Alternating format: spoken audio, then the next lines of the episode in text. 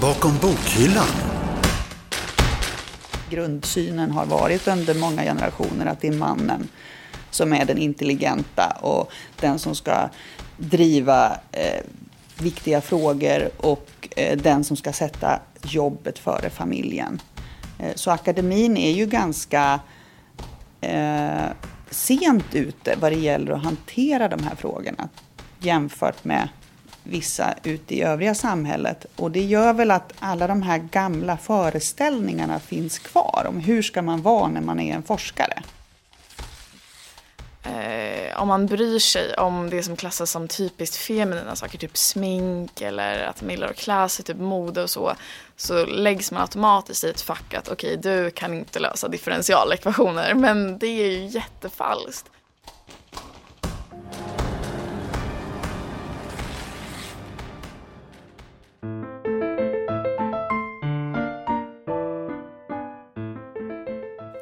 När det här programmet släpps är det internationella kvinnodagen. Initiativet till internationella kvinnodagen togs av en tysk socialist och aktivist vid namn Clara Zetkin 1910. Men det var först 1978 som den fick ett internationellt erkännande när FN satte upp den på sin lista över högtidsdagar. Och ungefär sedan dess, närmare bestämt 1977 när högskolereformen i Sverige genomfördes så har kvinnor varit i majoritet på svenska högskolor och universitet.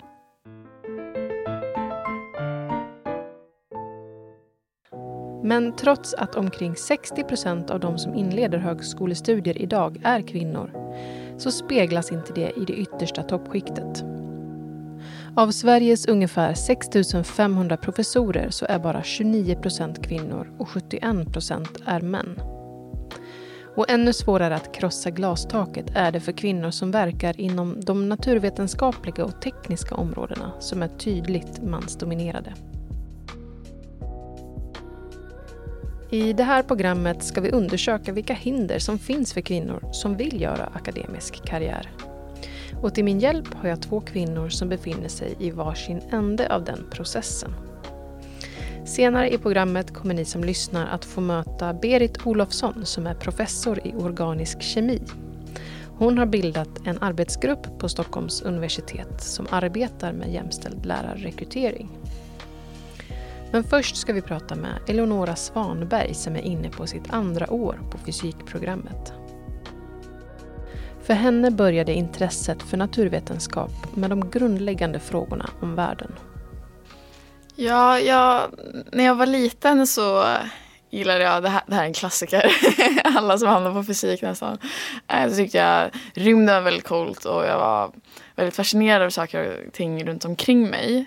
Um, varför är himlen blå och vad är det på himlen vi ser? De här de frågorna som man kände var så mystiska och nästan lite skrämmande. Ehm, jag tycker att man får svar på dem i fysik. Hur många tjejer är ni nu på, på ditt program i fysik? Vi är tre. Av kanske typ 25 tror jag. Um, ja. Så hur är det då? Hur är det att plugga som, alltså, i, i minoritet då? Ja, alltså det är nu, nu hade jag förväntat mig det. att eh, Jag vet att det är underrepresenterat av tjejer men en helt, det är en annan grej att faktiskt börja plugga. Det är, jag trodde att jag var förberedd um, på det men det, jag vill säga att det är tufft. Um, man känner sig redan från början uh, typ exkluderad på något sätt. Uh, och sen det här går ihop med liksom att de flesta våra, ja, alla utom en, typ alla föreläsare är män och att det, det blir, det blir det här med att okej, okay, jag passar kanske inte in eller um, på ett undermedvetet plan. Um, så det är tufft. Det var, var, var, man får leta och speciellt nu på distans när man inte ser allihopa. Um, och eh, alla, jag flyttade ju från Linköping hit för att plugga och alla mina närmsta vänner blev killar så det blev eh, ja, det byggs ju upp att man, man, man, är, lite, man är lite annorlunda eh, med för och nackdelar såklart. När Eleonora Svanberg gick gymnasiet så grundade hon och några andra tjejer en förening som heter Girls in STEM. Idag, några år senare, är det ett nätverk som har medlemmar över hela Sverige och som förenar unga tjejer som är intresserade av naturvetenskap och teknik. STEM är Science, Technology, Engineering and Mathematics. Så akronym för de roliga områdena. och det är en ideell förening som eh, vars syfte är att få fler unga tjejer att engagera sig i de här naturvetenskapliga områdena. Ehm, just för att vi vill motverka den här underrepresentationen Eh, som tar plats eh, på gymnasieprogram, men universitetsprogram och speciellt arbetslivet också.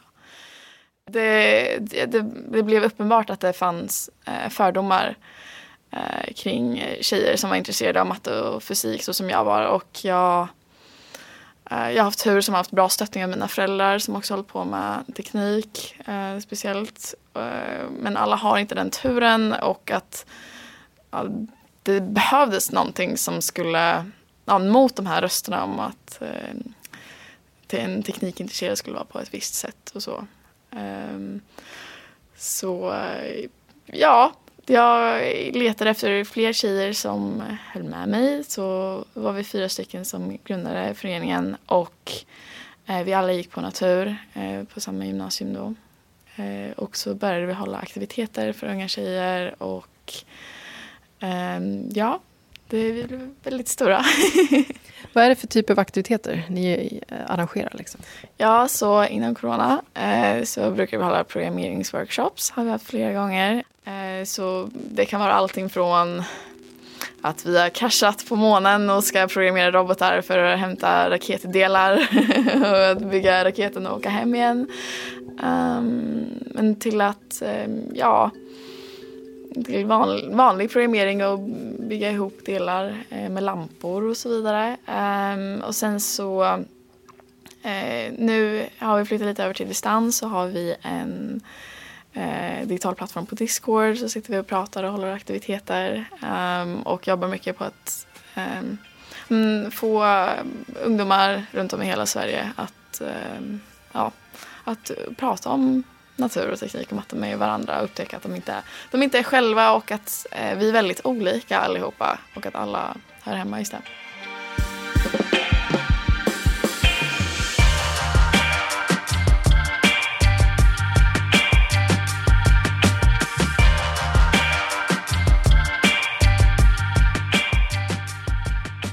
när jag startade där så var jag helt i tanken om att det här ska vara för unga tjejer och att det här ska de ska få en plats att växa och så. Men det har ju gjort jättemycket för mig med och vi i styrelsen, vi som grundade det här också.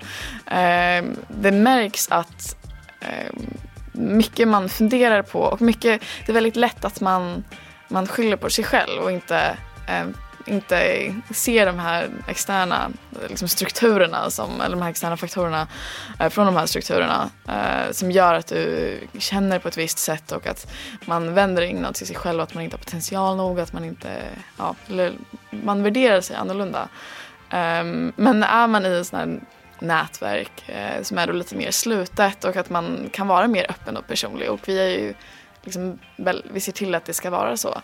Eh, då vågar man ställa de här frågorna och då vågar man inse att okej, okay, um, det kanske, matte kanske är någonting för mig. Det kanske har varit fördomar som, liksom, mot mig som gör att jag känner så här och att um, ja, vår favoritfördom är favoritfördom, får man ha det?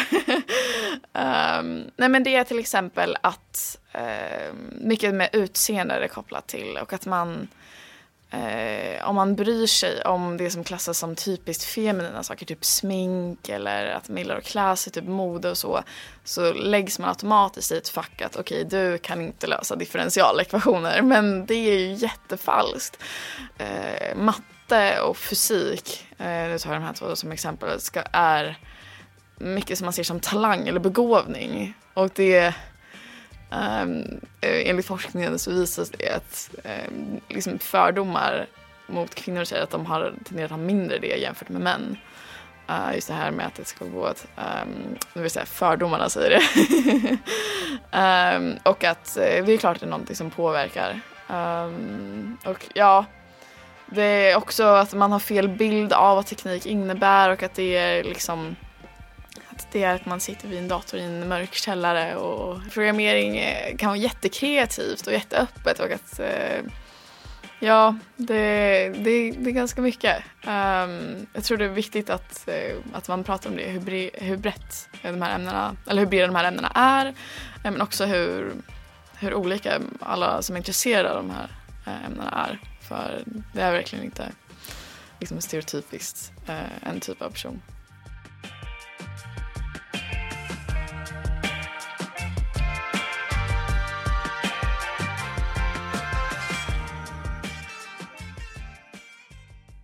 Eh, du och Berit som eh, också medverkar i det här programmet. Ni befinner ju er i varsin ända av den akademiska karriären. Eh, och hon jobbar ju med jämställdhetsarbete här på SU. Vad, skulle du vilja att hon och andra som arbetar med jämställdhetsarbete på ledningsnivå tar med sig eller tänker på eller förstår som du tycker är viktigt?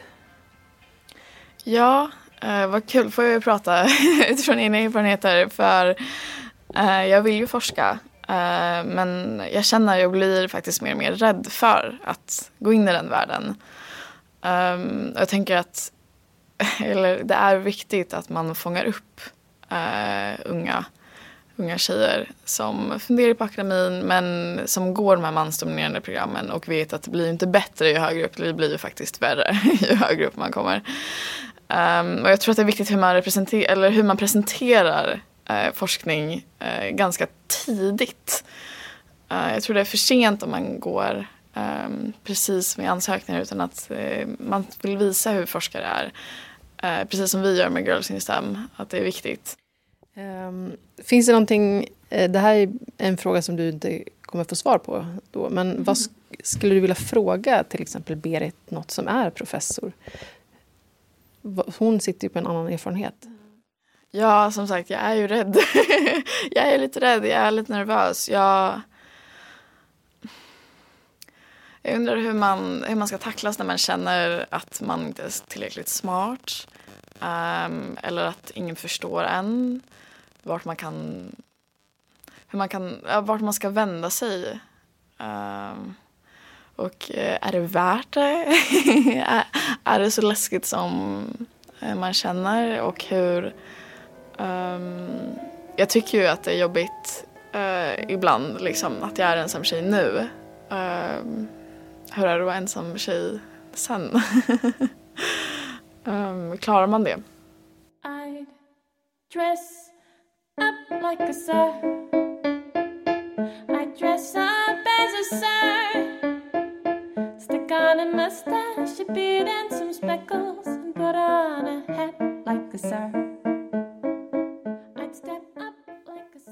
Vi ska återkomma till Eleonora, men först ska vi höra hur en av professorerna här på SU ser på kvinnors möjligheter att göra karriär inom naturvetenskapen. Berit Olofsson är professor i organisk kemi och sektionsdekan på Kemiska institutionen. Hon har startat en arbetsgrupp för jämställd lärarrekrytering inom den naturvetenskapliga fakulteten. Vi börjar med att prata om Berits egen karriär. Jag har väl haft en ganska standard upplägg på min akademiska karriär. Jag eh, har bytt lärosäten många gånger, så hög mobilitet. Jag eh, pluggade civilingenjör i Lund, sen doktorerade jag på KTH. Disputerad 2002 inom organisk kemi och sen åkte jag till England och gjorde postdoc. Sen kom jag tillbaka till Sverige och valde då att inte komma tillbaka till samma lärosäte utan komma hit till Stockholms universitet. Och här gjorde jag en till postdoc och sen fick jag en egen tjänst som forskarassistent som det hette på den tiden. Det är ju lite biträdande lektorsspåret som vi har nu, som inte fanns då. Så det är bakgrunden i kort och sen har jag ju avancerat i graderna här så att jag efter min forskarassistent var slut så eh, sökte jag ett lektorat som jag fick och sen har jag blivit befordrad till professor. Så jag är professor sedan 2013 en klassisk akademisk karriär alltså. Men ändå är det fler kvinnor än män som väljer bort den i slutändan. Hur kommer det sig? Och vad händer på vägen? Men det finns ju ett uttryck som heter the leaky pipeline som egentligen säger att det händer ju lite på alla nivåer. Så redan när man tänker sig att, att hur man rekryterar till doktorandstudier så är det svårare att få in kvinnor än män i det steget. Och sen när de som har disputerat väljer vad de ska göra efteråt så är det färre kvinnor än män som väljer att åka på postdoc. Och det är det som behövs för att sen kunna göra en akademisk karriär. Det är väldigt svårt att, att få en lärartjänst utan att ha gjort en postdoc utomlands. Det går, men det är svårt. Eh, och sen när man, de, av de som väl då har gjort sin postdoc så är det fler män än kvinnor som väljer eller blir utvalda för att göra en fortsatt akademisk karriär. Så det försvinner kvinnor procentuellt sett hela vägen i alla de här karriärstegen som anses vara nödvändiga för att göra en akademisk karriär. Och det beror ju dels på urvalsprinciperna, hur man bedömer ansökningar från kvinnor och män, vilket har visat sig i mycket forskning att om man tar ett exakt likadant CV och sätter ett manligt namn eller ett kvinnligt namn på det CV så bedöms de helt olika av personer som eh, blir tillfrågade om de kan bedöma om någon är kvalificerad för en tjänst. Och det här finns ju forskningsdata på och det är väldigt tydligt. Och det här gör ju naturligtvis att kvinnor har mindre chanser att komma in i akademin. Men det är också en annan aspekt i det att det är kvin färre kvinnor som faktiskt väljer att, att söka en akademisk karriär. För att det finns så många hinder längs vägen, det finns så många delar som anses vara oattraktiva och svåra och som inte funkar särskilt väl om man ser att man vill ha en, en familj vid sidan om sin karriär. Och det gör att många kvinnor inte ens försöker att komma in i den akademiska världen. Så jag skulle säga att det är två delar vi behöver jobba med. Del, dels urvalsprinciperna för de som faktiskt söker och dels hur vi kan göra det mer attraktivt att vara i den akademiska världen så att vi kan få de bästa forskarna, både av kvinnor och män, att vilja vara här.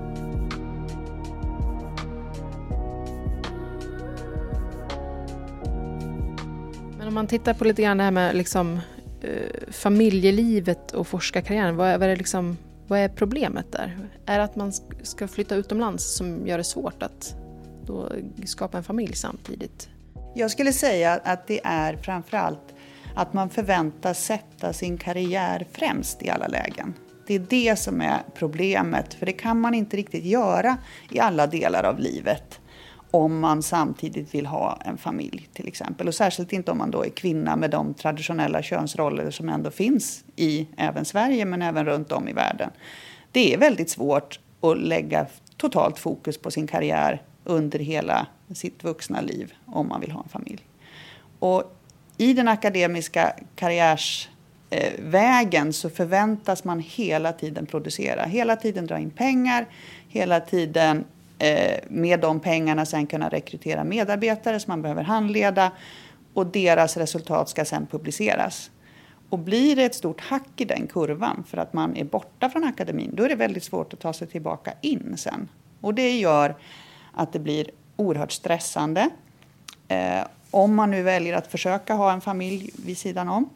Eh, och det gör också att det blir ofta så att de kvinnor som då, eller även de män som råkar ut för det här givetvis, de som åker ur det akademiska meriteringssystemet så att man inte längre får sin finansiering och sådana saker, de hamnar ju på att göra mer administrativa uppdrag, mer undervisning och då är det ännu svårare att ta sig tillbaka in i forskningsframkanten eh, igen.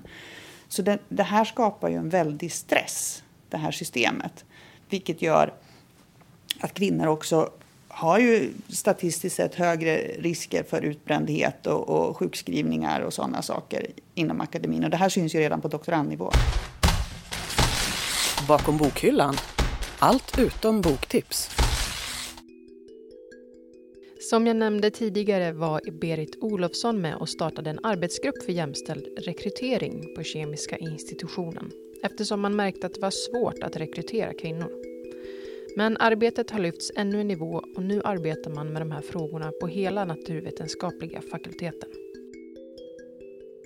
I den här arbetsgruppen, vad har ni liksom utkristalliserat för hinder för kvinnor som vill avancera som forskare och göra akademisk karriär? Och vad kan man faktiskt göra något åt? På institutionsnivå behöver man ju genomlysa sina arbetsrutiner och arbetsfördelning så att det inte blir så att någon som är tillfälligt borta på grund av en föräldraledighet eller eh, en sjukskrivning eller någonting får det väldigt svårt när de kommer tillbaka. Det är ju långsiktigt bäst för institutionen och individen om den kan komma igång snabbt med sin forskning efter sådana perioder, för det är forskningen man åker ur. Eh, det kommer alltid finnas möjlighet att fortsätta undervisa och göra administrativa uppdrag. Det finns ju även en, en del studier som visar att kvinnor i högre grad hamnar på att göra de här akademiska hushållssysslorna som inte ses som särskilt meriterande men som måste göras på institutioner. Eh, så att vi kommer att starta upp flera aktiviteter på fakulteten där vi från fakultetsledningen går in och pratar enskilt med institutionerna för att säkerställa att de har rutiner för till exempel eh, stöd efter föräldraledighet, eh, att de som kommer tillbaka från föräldraledighet inte får för mycket undervisning så att de kommer ännu mer efter i sin forskning. Och där skulle jag säga att där missgynnas ju kvinnor i dagens läge när det fortfarande är så att kvinnor tar ut mycket större andel av föräldraledigheten och de är framförallt mer låsta till vilka perioder de behöver göra det. Män kanske kan ta tre månader när det passar dem i karriären. Kvinnor behöver ju ta sin föräldraledighet när barnet dyker upp. Tidigare i år gick regeringen ut med ett pressmeddelande där de presenterade sina nya mål om hur man ska få till en jämställd högskola de kommande åren. Målbilden är att hälften av de nyrekryterade professorerna ska vara kvinnor år 2030. Det ser ut att kunna bli en utmaning för bland andra Stockholms universitet där andelen kvinnor bland professorerna ökat med ungefär 1 procent per år. Jag frågade Berit om hon tycker att det är ett rimligt mål. Nej, det kan jag tyvärr inte säga utifrån hur söktrycket ser ut nu. Det kommer att krävas väldigt mycket jobb för att nå dit. Men givetvis måste vi sätta upp ambitiösa mål för att ha en chans att komma mot det. Det är ju högst, ett högst, högst rimligt mål egentligen om det bara vore så att söktrycket motsvarade att så många duktiga kvinnor söker att vi faktiskt kan välja den bästa och den bästa är en kvinna på tillräckligt många tjänster. Men så länge söktrycket är så att vi kanske inte ens får in en enda kvinnlig sökande eller en kvinna och, och 25 män, då är det svårt. Och om man tittar lite mer på själva rekryteringsprocessen då? Hur rekryterar man jämställt? Det viktigaste tror jag är att man behöver inse att alla har fördomar. Både kvinnor och män har fördomar. Vi kommer alltid att spontant tycka att mannen är bättre. Och det är det vi måste vara medvetna om och jobba emot. Och det här beror ju på hur vi är uppfostrade. Och kvinnor och män har ju samma uppfostran i detta. Att grundsynen har varit under många generationer att det är mannen som är den intelligenta och den som ska driva eh, viktiga frågor och eh, den som ska sätta jobbet före familjen. Eh, så akademin är ju ganska eh, sent ute vad det gäller att hantera de här frågorna jämfört med vissa ute i övriga samhället. Och det gör väl att alla de här gamla föreställningarna finns kvar om hur ska man vara när man är en forskare. Och där finns det väldigt mycket jobb att göra. Det finns ju också undersökningar där man visar hur man ska koppla ihop olika ord som har att göra med att man är smart eller snabb eller eh, forskare eller vad som helst. Och så hur snabbt man kan koppla ihop det här med män eller kvinnor. Så har alla otroligt mycket lättare att koppla ihop det här med män. Oavsett hur jämställd man tycker att man är. Och det här behövs ju utbildning för att medvetandegöra. Så att man kan ta ett steg tillbaka när man har skaffat sig en uppfattning. Gå tillbaka och fundera, men har jag verkligen tänkt på alla aspekter? Har jag, hur mycket bias finns det med i det här första spontana beslutet jag vill fatta? I arbetsgruppen som Berit Olofsson leder här på SU så har man tagit fram förslag på åtgärder och överlämnat i en rapport till områdesnämnden som är den instans som bestämmer vad som ska genomföras. Ja, rapporten har ju lämnats in och vi har redan fattat beslut om vad, vad som vi ska gå vidare med. Det var vissa av de förslagen som var lite mer radikala som områdesnämnden inte eh, ville införa. Men det är ganska mycket som Eh, har hamnat på områdets åtgärdsplan. Så det är saker vi ska införa under de kommande två åren. Eh, och sen är det några saker som vi redan har fattat beslut om och eh, fått igenom vad det gäller just instruktioner till sakkunniga och vissa rutiner om att vi ska, vi ska få en bättre utbildning runt fördomar inom, de, inom den kategorin lärare som sitter i lärarförslagsnämnder som faktiskt är de som sitter och beslutar i rekryteringsfall. Eh, så den typen av utbildningar är redan på gång. Men sen kommer det just bli de här lite mer långsiktiga eh, frågorna. Att vi ska skicka ut en enkät till alla lärare på området där vi ber dem eh, berätta vad som har varit svårt, vad som har varit bra, vad de skulle ha behövt mer stöd inom. Och här tänker vi att både kvinnor och män kan eh, besvara den här enkäten och att vi kommer att kunna lära oss mycket vad vi på fakultetsnivå och institutionsnivå kan göra bättre utifrån det. Eh, och sen en annan viktig sak, det är just att vi på fakultetsledningens årliga institutionsbesök ska börja fråga om de här specifika. Hur fördelas arbetet på institutionen mellan kvinnor och män? Hur ser det ut på utbildningen? Får kvinnor och män i lika stor grad de attraktiva kurserna att undervisa? Hur ser det ut med andel undervisning? Hur ser det ut med eh, vilka som sköter det här akademiska hushållsarbetet? Eh, får kvinnor och män samma förutsättningar för att bedriva forskning?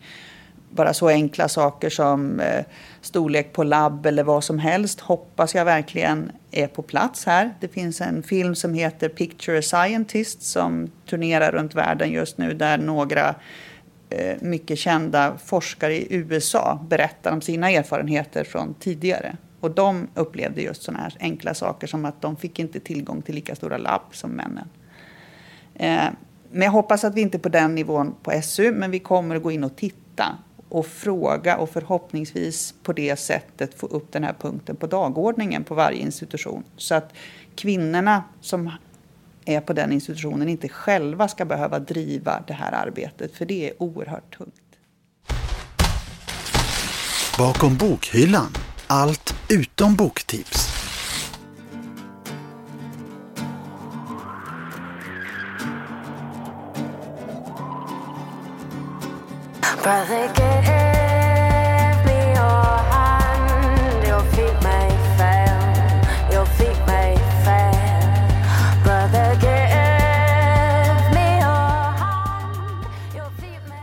Vad skulle du liksom vilja förmedla till unga kvinnor idag som eh, står i det där valet och kvalet att göra forskarkarriär eller inte? Har du några liksom råd eller stöttande ord? Det första jag skulle säga det är väl framförallt att ta chansen att göra en postdoc. För det är otroligt roligt även om man sen inte vill göra en akademisk karriär. När jag valde att åka iväg på postdoc hade jag inga planer alls på att göra en akademisk karriär. Men jag gillade att bo utomlands. Eh, så jag fattade beslutet att fortsätta först efter postdocen när jag insåg hur roligt det var att forska när man inte samtidigt behövde ha alla ansvar som man hade som doktorand som gjorde det stressigt. Eh, så att det skulle väl vara min, mitt första råd. Sen brukar jag kontroversiellt nog också säga att jag råder doktorander, kvinnliga doktorander att fundera på att skaffa barn redan när de är doktorander. För att under den tiden så har man bara sitt eget projekt det är bara ens eget projekt som blir försenat. Eh, jag valde att skaffa barn väldigt sent i karriären så jag fick mitt första barn precis när jag blev lektor. Och det har varit en oerhört stressig period. Eh, de åren eh, vill jag inte ha tillbaka. Vi ska snart träffa Eleonora igen och prata med henne om hur hon ser på sina möjligheter att göra akademisk karriär. Men passar först på att fråga Berit hur hon ser på kvinnliga förebilder inom naturvetenskapen. Är det viktigt och varför? Jag tycker att det är jätteviktigt. Eh, jag har inte direkt haft några kvinnliga mentorer. Eh, och jag har verkligen saknat att ha någon att, att, att bolla med runt alla de här frågorna som handlar om balans och prioriteringar i livet och hur, hur man ska tänka i, i olika situationer. Men naturligtvis också för nätverksbyggande. Det är många som har någon som, som pushar en framåt, nominerar en till priser, eh, puffar på att man ska få konferensinbjudningar, sådana saker. Och den här typen av nätverk är ju jätteviktigt för alla att ha. Och som det är nu så är det nog tyvärr så att det är vanligare att män har det nätverket än att kvinnor har det.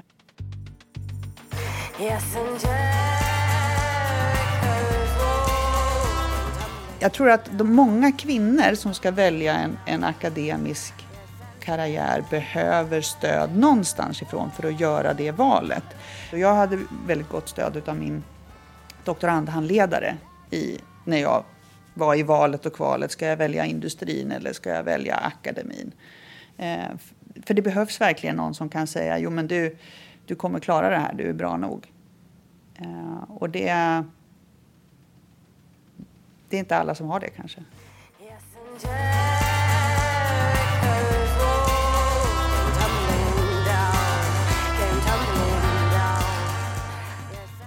Det är de kvinnliga förebilderna utan tvekan som har gjort att jag har sökt mig till det programmen och till det jag vill göra nu. Jag hade turen att träffa en, ehm, en kvinnlig forskare på KTH eh, när jag gick gymnasiet som ville handleda mig för mitt gymnasiearbete. Och eh, hon, jag brukar alltid säga det till henne, det låter så fel men hon är, hon är normal. hon, eh, på ett så bra så att, på ett så fantastiskt sätt. Hon är så, hon är så relaterbar och var så relaterbar för mig. Um, och jag tycker att det har varit den typ bäst, eller hon är definitivt den bästa förebilden jag haft. Um, just för att jag kände att jag kan göra det här. Hon forskade på eh, partikelfysik. Och jag tänkte att ah, det här kan ju jag också göra. Vi är ganska lika. Um, och jag kommer ihåg att jag tänkte det, jag tänkte det då, liksom om hon kan så kan jag. Um, men jag är så säker på att hade det varit fler liksom, runt omkring mig redan tidigare så hade jag säkert insett det här ännu tidigare. Men då var det väldigt tydligt för mig. Det, det, känns, det känns som att när man går runt med mycket, man ser bara män överallt och faktiskt är det så att Fyskum har eh, jag gillar inte det här rummet på Albanova som är vår institution så är det ett rum fullt med nobelpristagare i fysik för mig som tjej som vill plugga fysik så är det ett rum fullt med män som gör det jag vill göra. Och då, jag kommer ihåg att jag så här, eh, första dagen så fikade vi där och tänkte att jag ska hamna på den här och jag ska hamna på den här väggen, det här ser inte bra ut. Um, det, det är viktigt.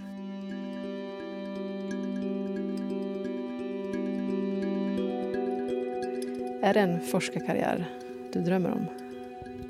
Det är definitivt det jag drömmer om. Jag, jag tycker forskning är jätteroligt och jag, jag tro, tror det eller ej, men jag trivs, jag trivs väldigt bra inom universitetsvärlden. Um, och jag, eh, speciellt nu när jag läser två kandidatprogram och kan inte bestämma mig för att det, allting är så fantastiskt intressant. Jag vill bara lära mig mer så jag Ja, och det här, så här har jag tänkt sen, ja, men sen ungefär gymnasiearbetet jag gjorde det. Eh, och jag fick eh, chansen att testa på lite fysikforskning. Att det är det här jag vill hålla på med. Så jag, har ju, jag väntar ju tills jag får börja doktorera och jag, jag tycker undervisning också är jättekul. Så en stor dröm är ju att bli professor eller i alla fall få undervisa um, inom någonting coolt. Um, så ja. Ser, ser du några hinder för att du skulle kunna göra karriär som fysiker och forskare? Ja, absolut. Det är, eh, det är ju sånt här som vi har jobbat med i Girls in STEM. Eh, och eh, även om jag kan se typ personliga hinder, det här med att ibland känner mig socialt utanför, så är jag kanske främst rädd för de här, de här faktorerna som jag inte vet om. Um, och det här med att det man, manliga professorer tenderar att anställa eh, män före kvinnor och att eh, det här, de här undermedvetna faktorerna som jag inte kan påverka som händer i skuggan som gör att jag faktiskt har lägre förutsättningar att lyckas.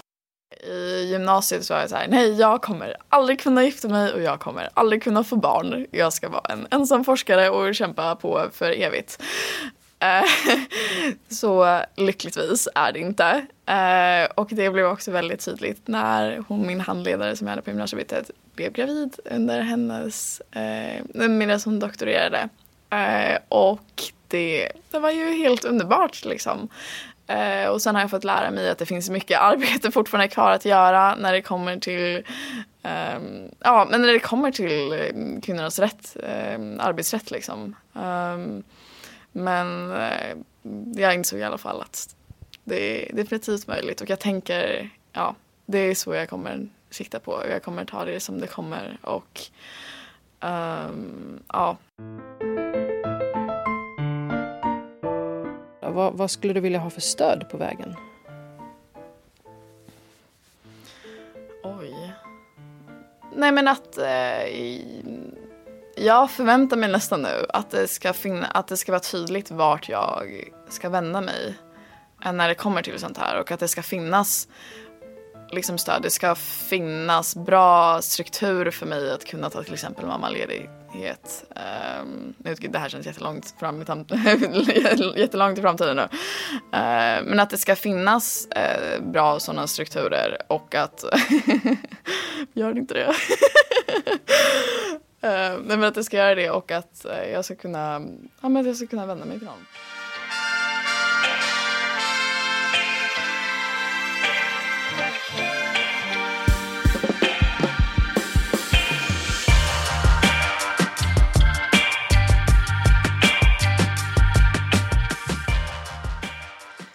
Har lyssnat på det 34 avsnittet av podden Bakom bokhyllan om akademisk jämställdhet som släpptes med anledning av årets internationella kvinnodag. Musiken som du har hört är licensierad under begreppet Creative Commons, vilket innebär att den är fri att använda. Och listan över låtarna som vi har spelat i det här avsnittet finns på vår hemsida su.se biblioteket. Där hittar du också alla våra avsnitt och jag vill särskilt tipsa om avsnitt nummer 24 som handlar om villkoren för forskande kvinnor vid förra sekelskiftet. Det heter Nobel special, Makt, manlighet och marginaler och är producerat av Julia Milder. Jag som har gjort det här avsnittet heter Cecilia Burman. Tack för att du har lyssnat.